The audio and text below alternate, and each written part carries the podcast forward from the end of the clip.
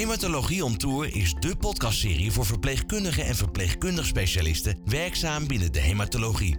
Kim Messelink en Bert Gravals gaan in gesprek met experts en ervaringsdeskundigen over thema's belangrijk in de zorg voor de hematologische patiënt. De onderwerpen die aan bod komen zijn onder andere palliatieve zorg, ambulante stamceltransplantaties, seksualiteit en vruchtbaarheid, late effecten en de zorg voor ouders met kanker.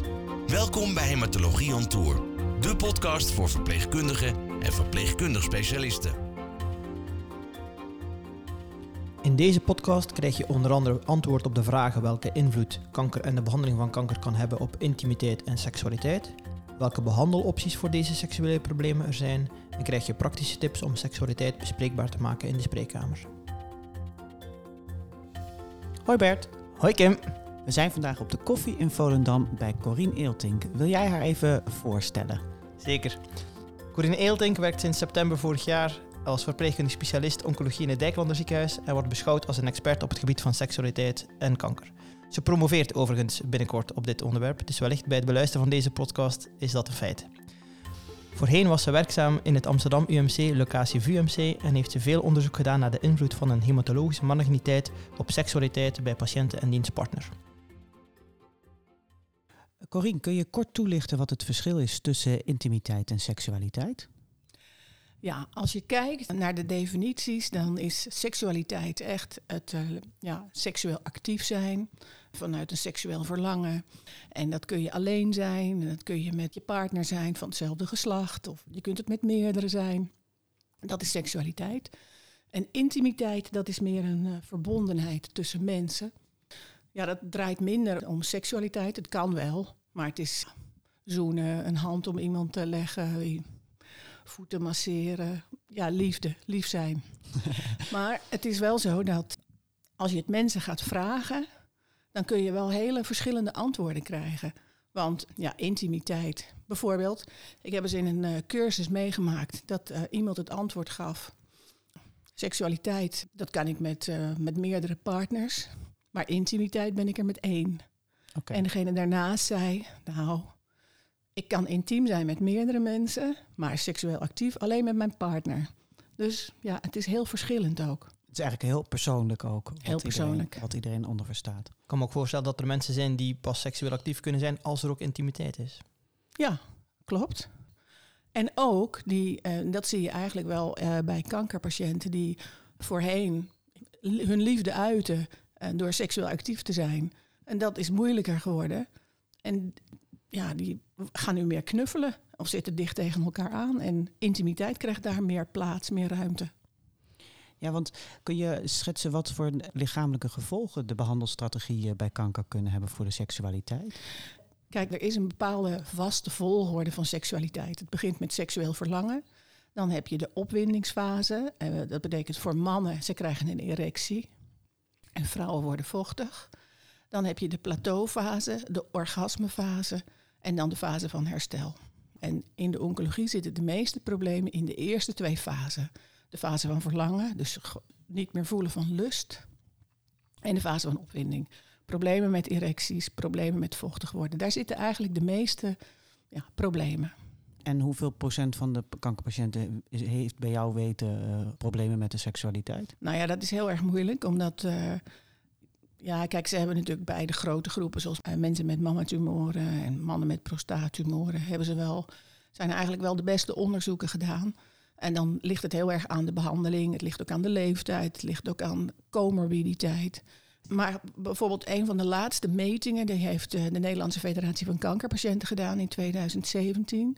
Onder een kleine 3000 patiënten en een, eh, ja, daar zaten ook partners onder. En dan zeggen 71% van de patiënten zeggen dat seks slechter is geworden. En ik geloof iets van 56 of 58% van de partners zeggen dat. Seks is slechter geworden. En eh, vind jij dat daar op dit moment eh, voldoende aandacht voor is in de spreekkamer? Nee. Nee. Nou, ik vind dat er niet voldoende aandacht voor is, nee. Want ik weet ook dat verpleegkundigen vinden het ook voor het algemeen ook een, moeilijk onderwerp om aan te snijden bij patiënten. Heb jij tips hoe ze dat zouden kunnen doen? Dat, dat je zegt van goh, ik weet nog eh, bepaalde beginzinnen of eh, Nou, ik weet zeker wel bepaalde beginzinnen en dat wil ik straks ook wel eh, vertellen. Maar je moet eigenlijk beginnen met goede voorlichting. Al voorafgaand aan de behandeling. Voorafgaand aan de behandeling. En je moet iets zeggen dat er op het gebied van seksualiteit iets kan veranderen. En niet alleen dat, want dan weten mensen nog niks. Je moet echt patiënten vertellen dat er uh, veranderingen kunnen optreden in verlangen. Dat ze helemaal, ja, dat de lust misschien nog helemaal weg kan zijn. En je moet hun ook vertellen, mannen en vrouwen, dat er problemen zijn in de fase van opwinding. Dus erectieproblemen of e-, moeilijkheden met erecties en minder vochtig worden. En dat, dat, uh, dat het ook gevolgen kan hebben voor de partner. En heb jij het idee dat patiënten op dat moment daar ook voor openstaan? Dat ze die informatie ook willen krijgen? Nou, ik heb het idee dat patiënten daar helemaal niet voor openstaan. Want die gaan gelijk met hun hand in de lucht en zeggen van ja, nou, dat is niet belangrijk. En dat betekent eigenlijk alleen maar dat het op dat moment geen prioriteit heeft, begrijpelijk. Want uh, mensen met kanker die een behandeling uh, gaan ondergaan, die willen overleven. En die schuiven zelf uh, seksualiteit naar de achtergrond. Logisch, maar je moet er wel iets over zeggen en je moet er ook iets over meegeven. Want het is de bedoeling dat die mensen blijven leven, of dat ze zo goed mogelijk leven hebben. En daar hoort seksualiteit, kan wel gewoon echt een goed iets zijn om, ja, om afleiding te krijgen. Uh, ja. Zijn er bepaalde medicijnen of medicijnengroepen die extra berucht zijn? Ja. We weten vanuit de hematologie, daar kom ik natuurlijk vandaan, dat we de alkylerende middelen, waar we, ja, die zitten bijna in alle schema's, dat die van invloed uh, kunnen zijn bij, nou bij vrouwen en mannen op de geslachtshormonen. En bij mannen betekent dat dat het testosteron kan dalen, hypogonadisme. En bij vrouwen betekent dat vaak dat ze in de overgang kunnen raken.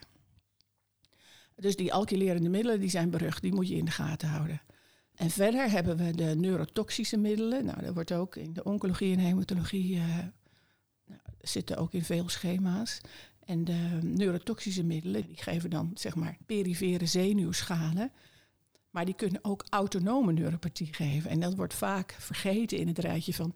heeft u tintelingen in de vingers, heeft u tintelingen in uw voeten? Autonome neuropathie is ook een uiting van perifere neuropathie. En onder autonome uh, neuropathie vallen bijvoorbeeld erectiestoornissen, eh, hè, dus problemen in de fase van opwinding, en niet vochtig kunnen worden voor vrouwen. Nou, als je er naar vraagt, zie je dat het voorkomt. Als je er niet naar vraagt, weet je het ook niet. Nee, en het zijn vooral middelen ook die mensen met multiple myeloma natuurlijk veel krijgen. En inderdaad, ik ken het dat er wel wordt gevraagd naar de vingertoppen en dat soort dingen. Maar deze vraag heb ik zelf inderdaad ook nog nooit uh, gesteld. Nou, een andere uiting van autonome neuropathie is bijvoorbeeld de obstipatie. Ja, daar vragen we dan weer wel naar. Maar goed. Dat is makkelijker ja. om naar ja. te vragen. Ja. Ja, en jij zegt die voorlichting is belangrijk. Neem ons eens mee. Hoe kunnen we dat doen als, als verpleegkundige? Nou, ik denk dat je in de voorlichtingen geef je natuurlijk al, je, vertelt wat de bijwerkingen kunnen zijn en je vertelt eigenlijk wat, mensen, wat, we daar, wat wij daaraan doen of wat mensen daar zelf aan kunnen doen. Nou, seksualiteit wuift iedereen weg. Je moet wel gewoon even vertellen wat het inhoudt voor patiënten, dat ze het weten. Als je daar een folder over meegeeft of je hebt het uitgeschreven in je schriftelijke informatie, uh, dat je wat meer informatie kunt geven over waarom, wat zijn de oorzaken, wat kun je daaraan doen. Nou, bespreek het weer met uw verpleegkundige, bespreek het met uw uh, arts. Kom er zeker op terug. Mondelinge informatie kort en schriftelijke informatie mee naar huis. Ja, en daarmee eigenlijk dat je een ingang biedt van dit is bespreekbaar hier. Om eigenlijk al een, een eerste basis aan ja, te geven. Kom erop terug. Ja, ja voor de patiënten. Ja. En de volgende fase, stel nou dat de patiënt is klaar met de behandeling. En wat, wat, wat doe je dan in de voorlichting? wat ik nog even wilde zeggen over die voorlichting. Er zijn ook hele mooie folders. Uh, ja, zijn er al. Hè. KWF heeft een mooie folder. Patiëntenorganisaties hebben vaak een folder over uh, seksualiteit. Er is ook hele mooie online informatie op kanker.nl over uh, seksualiteit. Er staan ook filmpjes op, video's van patiënten die daarover vertellen. Ja, dus dat moet je, dat moet je echt aan je patiënten meegeven. Ja, dus daar om eigenlijk extra informatie ja, in te winnen. Ja. ja. Ja, je gaf al aan dat er um, niet alleen het uh, rapporteren is belangrijk, maar er is vaak ook wel iets aan te doen. Kan je daar iets over vertellen? Ja, er is zeker iets aan te doen. Je zei, hoe uh, heb je een standaard zin? Ja. Hè? En toen begon ik eerst, ja, je moet wel beginnen bij voorlichting. Kijk, uh, er, is zeker een, er is zeker een openingszin. En die vraag je eigenlijk ja, niet tijdens een behandeling, maar ergens in een follow-up. En dan ligt het natuurlijk aan de, aan de ziekte, aan de behandeling van de patiënt. Want als je net uh, allogeen getransplanteerd bent, dan weten we dat eerste jaar dat gaat volledig is de focus op eh, medische problematiek. Staat de patiënt nog niet open voor dit soort dingen. Het is overigens wel belangrijk omdat je genitale graft versus host kunt krijgen. Dus je zult daar als, als hulpverlener, uh, zul je daar toch wel naar moeten kijken of naar moeten vragen. Maar goed, uh, het seksuele welbevinden, wanneer vraag je daarnaar, hoe vraag je daarnaar? Eigenlijk door het eerst te normaliseren. En je zegt dus van, we weten dat uh, de behandeling die u heeft gekregen, dat die van invloed kan zijn op seksualiteit. Hoe is dat voor u? En dan zie je eigenlijk die patiënt, ja, die, die, ja, die, die wordt gerustgesteld en die nodig je uit om daar iets over te zeggen. Die geeft je toestemming om daar iets over te zeggen. En ik heb maar heel weinig patiënten getroffen die dan uh, niks zeggen. Nee, want het is, ik denk dat het een beetje een misverstand is, en dat lees ik ook wel weer terug in de literatuur, van dat patiënten denken, nou, de verpleegkundige begint er wel over en wij denken, uh, oh, de, de, patiënt begint er wel over. En dus beginnen we er allebei niet over. Nee, dat klopt. En de patiënt die denkt ook heel vaak van, nou ja, ik, ja ik, ze hebben me zo goed geholpen. Het voelt, voelt, voelt als een beetje klagen. Nou, en die schuift het weer zelf naar de achtergrond. Maar wat ook speelt is als de patiënt niet is geïnformeerd erover, dan kan hij vaak ook niet bedenken van dat dit een gevolg van de behandeling is. En dat is helemaal kwalijk. Want dan, gaat hij, dan, dan, gaat, dan zoekt hij nergens hulp. Ja, ja, dat zei ook al in het voorgesprek, ja. hè? Die patiënt die boos op jou was. Uh... Ja, ja, dat ik begon uh, met het bespreken van seksualiteit. Uh, en ik vroeg een patiënt van nou, dus ik normaliseerde en hoe is dat voor u? En toen werd hij heel erg boos op me. En toen zei hij, waarom heb jij mij dit niet verteld voordat ik begon met de behandeling? Want ik heb al jaren erectiestoornissen en daar heb ik echt veel last van. Ja. En je vertelde me wel uh, dat ik kaal zou worden en dat ik misselijk werd. Maar dit, ja, dit had ik graag, maar dat wist ik al. Maar dit had ik graag willen weten toen. Ja. Heb je het gevoel dat het uh, praten over seksualiteit wel makkelijker geworden is dan pakweg tien jaar geleden? Of in jouw ervaring is er nog niet veel veranderd de laatste jaren? Nee, ik, ik denk dat er eigenlijk sinds ik, uh, sinds ik op dit gebied uh, actief ben, ge ben geworden, hè, denk ik dat er in de praktijk niet veel veranderd is. Nee. En ligt daar waarschijnlijk ook een taak bij de opleiding tot verpleegkundige of tot uh, medisch specialist? Heb je het gevoel dat daar wel aandacht aan besteed wordt? Ja, nou, ik denk, ik hoorde laatst van een hematoloog dat in, de, in haar opleiding was er wel aandacht besteed aan seksualiteit als ik spreek over mijn eigen opleidingen van de verpleging en de of verplegingsspecialist. Nee, daar is geen aandacht besteed aan seksualiteit. En kijk, het gaat niet alleen over dat je moet weten van nou, hoe zit seksualiteit in elkaar en wat zijn de gevolgen. Maar je moet eigenlijk getraind worden in zo'n gesprek aangaan. Want wij moeten allemaal, uh, wij, hulpverleners, ook patiënten, we moeten over een drempel heen.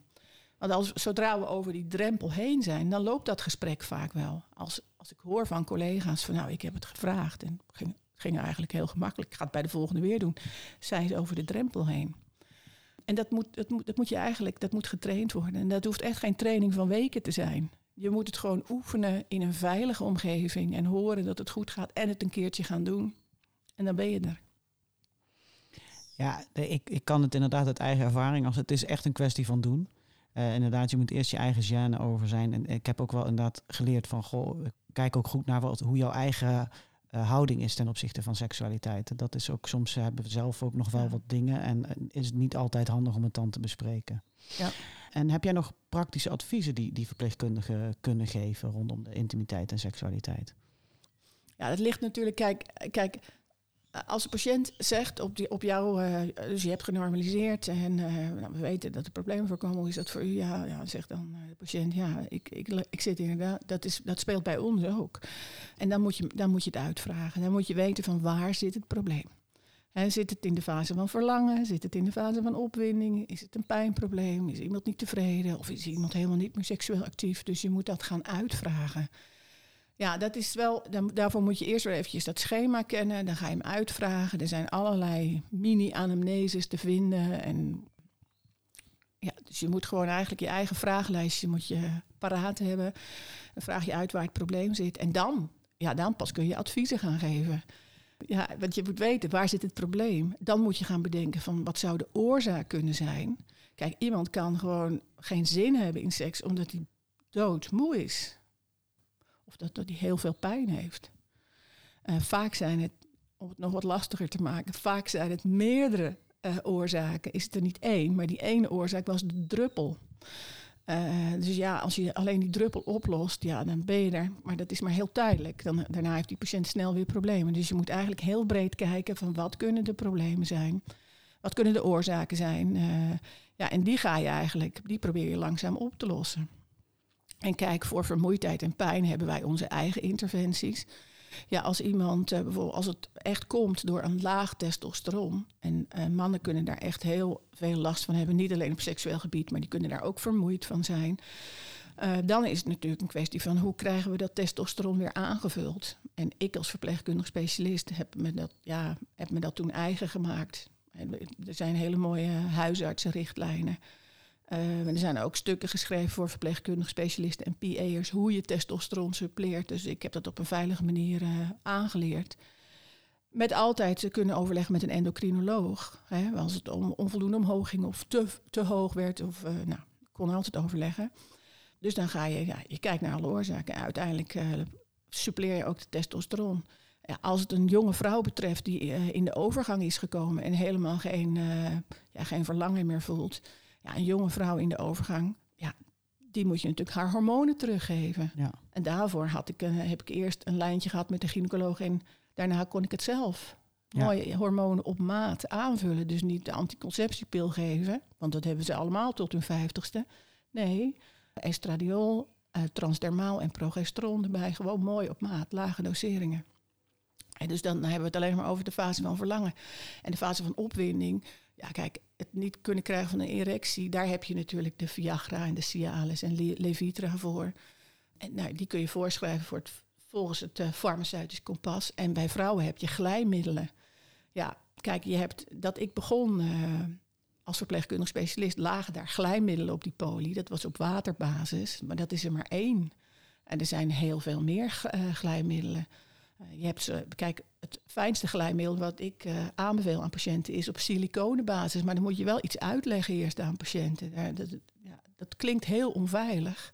Dat moet je uitleggen en dat moeten vrouwen voelen. Hoe is dat? En, uh, maar je hebt ze ook op oliebasis en op en Waarom is jouw voorkeur die siliconenversie? Nou, siliconen, dat is speciaal ontwikkeld voor vrouwen met borstkanker. Nou, vrouwen met borstkanker, die mag je niet hun oestrogenen teruggeven. Maar die kunnen dus wel heel veel klachten vaginaal krijgen. Vaginale droogheid, continue vaginale droogheid. Voor die groep vrouwen is toen een, glijmiddel met, op siliconenbasis ontwikkeld. En siliconen, nou ja, ik weet... Kijk, mijn man gebruikt het overal voor, voor ritsen. nou, maakt niet uit. Als er iets troef loopt, dan stop, doet hij het de W40, ja. Het is gewoon, ja, het, maakt het zo soepel. En als je ook een siliconen glijmiddel, uh, op, ja, als je ruwe handen hebt en je smeert je handen ermee in, dan dat is fantastisch. En zo werkt het eigenlijk ook vaginaal. Uh, dus het geeft gelijk weer wat elasticiteit. Het blijft ook hangen, hè, want als je het op waterbasis, een glijmiddel ja, vaak verliezen vrouwen dat, dat direct weer. Je moet iets hebben wat, wat blijft hangen. Dus ja, siliconen of hyalonzuur, dat blijft altijd mooi hangen. Ja. Dat, hecht zich aan de wand. Dus dat bevochtigt voor langere tijd. Ik heb dat uit moeten zoeken, maar ja, waterbasis, ik gebruik het niet, want vrouwen hebben daar niets aan. Nee. Ja, dus er zijn heel veel adviezen, maar je moet, ja, je moet je daar wel even in verdiepen. Ja, en je hebt nu wel het aantal, heb je nog meer adviezen? Uh, nou ja, uiteindelijk, kijk, als vrouwen pijn hebben bij het vrijen, en dat kan zijn op basis van uh, ja, onvoldoende lubricatie hè, of onvoldoende bevochtiging, dus dan gebruik je, probeer je glijmiddel. Ja, als dat te, als dat te weinig doet, dan uh, verwijs ik vrouw, vrouw, vaak naar een bekkenbodemfysiotherapeut. Of ik begin daar al gelijk mee, dat ligt er ook aan. Ligt ook aan mijn patiënt. Ja. Wie, wie is mijn patiënt? Hè? Gaat ze dat glijmiddel gebruiken of ja, belandt het in de kast? Ja, belandt het in de kast en doet ze niets. Uh, ik zeg eigenlijk, en nou bedenk ik me iets heel belangrijks. Ik zeg ook altijd tegen patiënten van, uh, bespreek je dit ook met je partner? heb je dit met je partner besproken? Hoe, hoe zit dat? Want het is ook vaak een kwestie van gaan herontdekken. Kijk, seksualiteit is veranderd. Het, het zal altijd anders blijven. Maar goed, ja, herontdekken. Ja, doe net alsof je 16 bent en, en op pad ging. Ja, dat, toen moest je toch ook uitzoeken wat, uh, wat bij jou past en wat je fijn vond. En dat moet je eigenlijk nu ook weer gaan doen met je partner. Ja. Dus dan stuur ik ze eigenlijk alleen maar naar huis voor een goed gesprek. Eerst een goed gesprek thuis. Ja, En dan laat ik ze weer terugkomen. want die partners die, die worden ook wel eens denk ik door, door de verpleegkundige uit het oog verloren, of niet? Ja, helemaal als ze nooit meekomen natuurlijk. En we, kijk, als je vraagt van, hè, met je, met je, je normaliseert, die seksuele problemen kunnen voorkomen, hoe is dat voor u? En dan kan een patiënt zeggen van, nou, ik heb helemaal geen last. Hoe is het voor uw partner? En dus wel gewoon altijd die partner erbij betrekken. Ook al zie je hem niet, gewoon de partner erbij betrekken. Want het is iets voor hen tweeën. En je ziet ook, en dat lees je ook wel in onderzoeken, dat die partners verandert er ook heel veel op seksueel gebied. Er zijn partners die, ja, die, ja kijk, de rollen veranderen thuis. Sommige patiënten gaan echt in hun patiëntenrol ook thuis eh, zitten. Ja. En, en van een liefdesrelatie, een intieme relatie, een seksuele relatie is eigenlijk niets meer over. Nee. Ja, soms, soms moet je patiënten daar ook op wijzen. Dat ze daar weer uitgaan en dat de partner ook weer uit die mantelzorg rolt. Ja, je moet ze eigenlijk gewoon, je hoeft ze alleen maar een spiegel voor te houden. Hè? Van ja, goh, nou, zo, dit is zoals ik het zie. En dan, eh, dan kunnen ze daar zelf mee aan de slag. Ja. Ja, daar Ja. kan ik me wel iets bij voorstellen Ja. dat dat ook heel confronterend kan zijn, maar dat het soms ook heel verhelderend kan zijn. Ja, ja. Maar je kan het ook niet bij iedereen doen. Nee. Het ligt er heel erg aan wie heb ik tegenover me. Er is niet één eh, advies. En het is wel... Kijk, als je gaat beginnen met eh, seksualiteit op te nemen in je spreekuur... of in je... Ik besteed aandacht aan seksualiteit. Kom je van alles tegen. En het is... Ja, ik kan wel zeggen... Ik, ik, het is eigenlijk altijd alleen maar heel erg leuk geweest. Omdat je ook iets kunt doen. Hè? Je Ja. kunt er echt iets aan doen. Je kunt mensen gewoon goed op het pad zetten. En je kunt het soms niet oplossen... maar dan kun je ze wel weer goed verwijzen. Ja, want wanneer verwijs je door naar een seksoloog? Ik verwijs eigenlijk eh, pas door als, eh, ja, als we alle ja, de interventies die ik zojuist heb genoemd, als die niet eh, werken. Als de patiënt daar niets aan heeft. En als de patiënt hulp wil. Ja. Nog steeds wel hulp wil. Dan verwijs ik door. Dus eh, eerst gaan we zelf een beetje aanklooien. En als de patiënt dat wil. hè, Op ontdekkingsreis, hè, zoals je zei, vanaf Ja, 16. Kijk, ik zeg ook altijd tegen patiënten van ja, kijk, dit kunnen we doen. Maar ja, goed. Kan u ook gelijk verwijzen naar een seksuoloog of kan u ook gelijk verwijzen naar een uroloog. Het ligt er ook een beetje aan wat is het probleem. Kijk, er is een, eh, een model in de seksuele hulpverlening. Ik heb geen aantekening of opleiding seksuologie gedaan, maar ik ken wel dat model. Dat is het PLISSIT-model. Dan eerste is, de eerste stap is eigenlijk eh, toestemming. En dus je normaliseert, je vraagt de patiënt en je geeft eigenlijk toestemming van, nou, we hebben nu ruimte, we gaan nu over seksualiteit praten. Nou, prima. Eh, de tweede stap is de LI, Limited Information. Dan geef je informatie eh, aan de patiënt, je legt het uit en je geeft antwoord op vragen. Limited, geen verhalen van een uur, gewoon gericht. Dit zijn de oorzaken, heeft u vragen en beantwoord de vragen. En dan zie je eigenlijk al dat er heel veel patiënten zeggen van oké, nou goed, eh, nou ja, dan weet ik dat.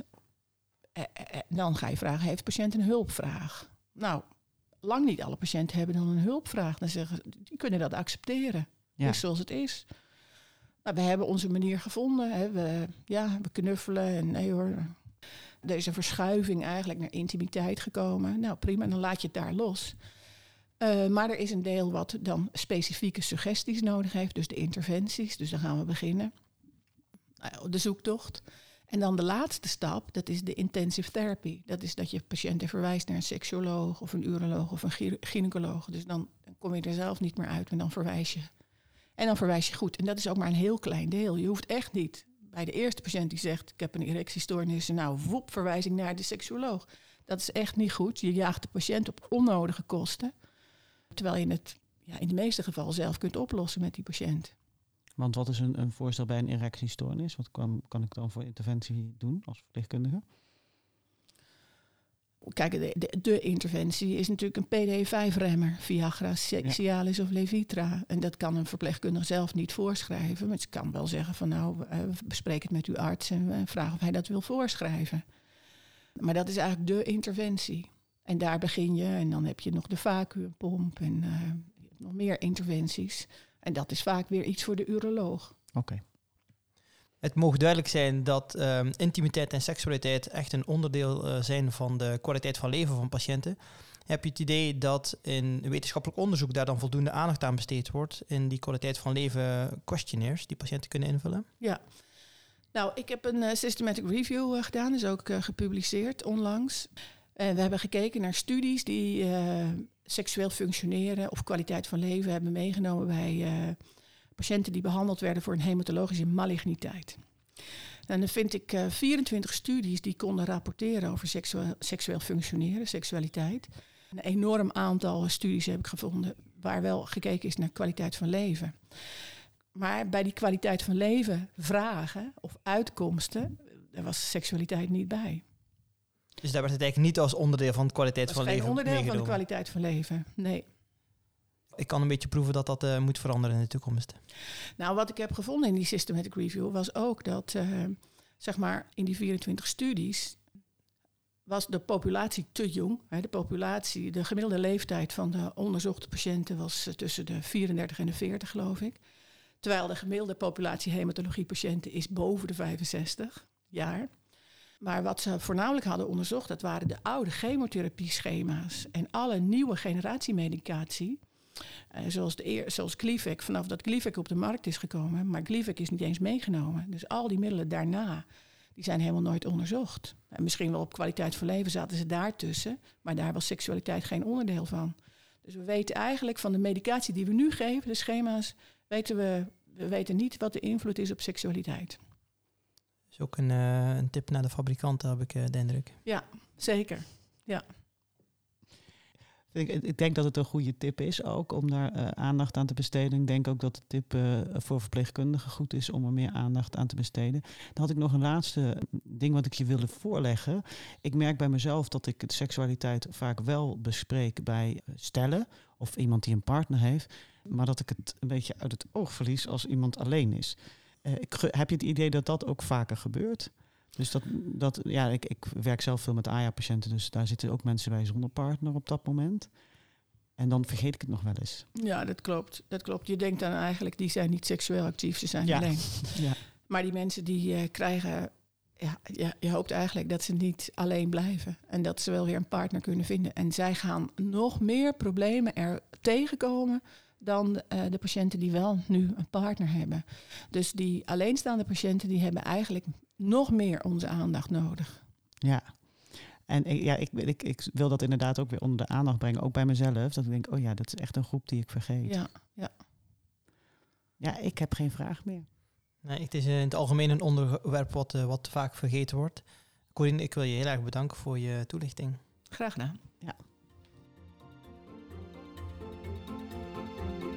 Tot zover Hematologie on Tour, de podcast voor verpleegkundigen en verpleegkundig specialisten.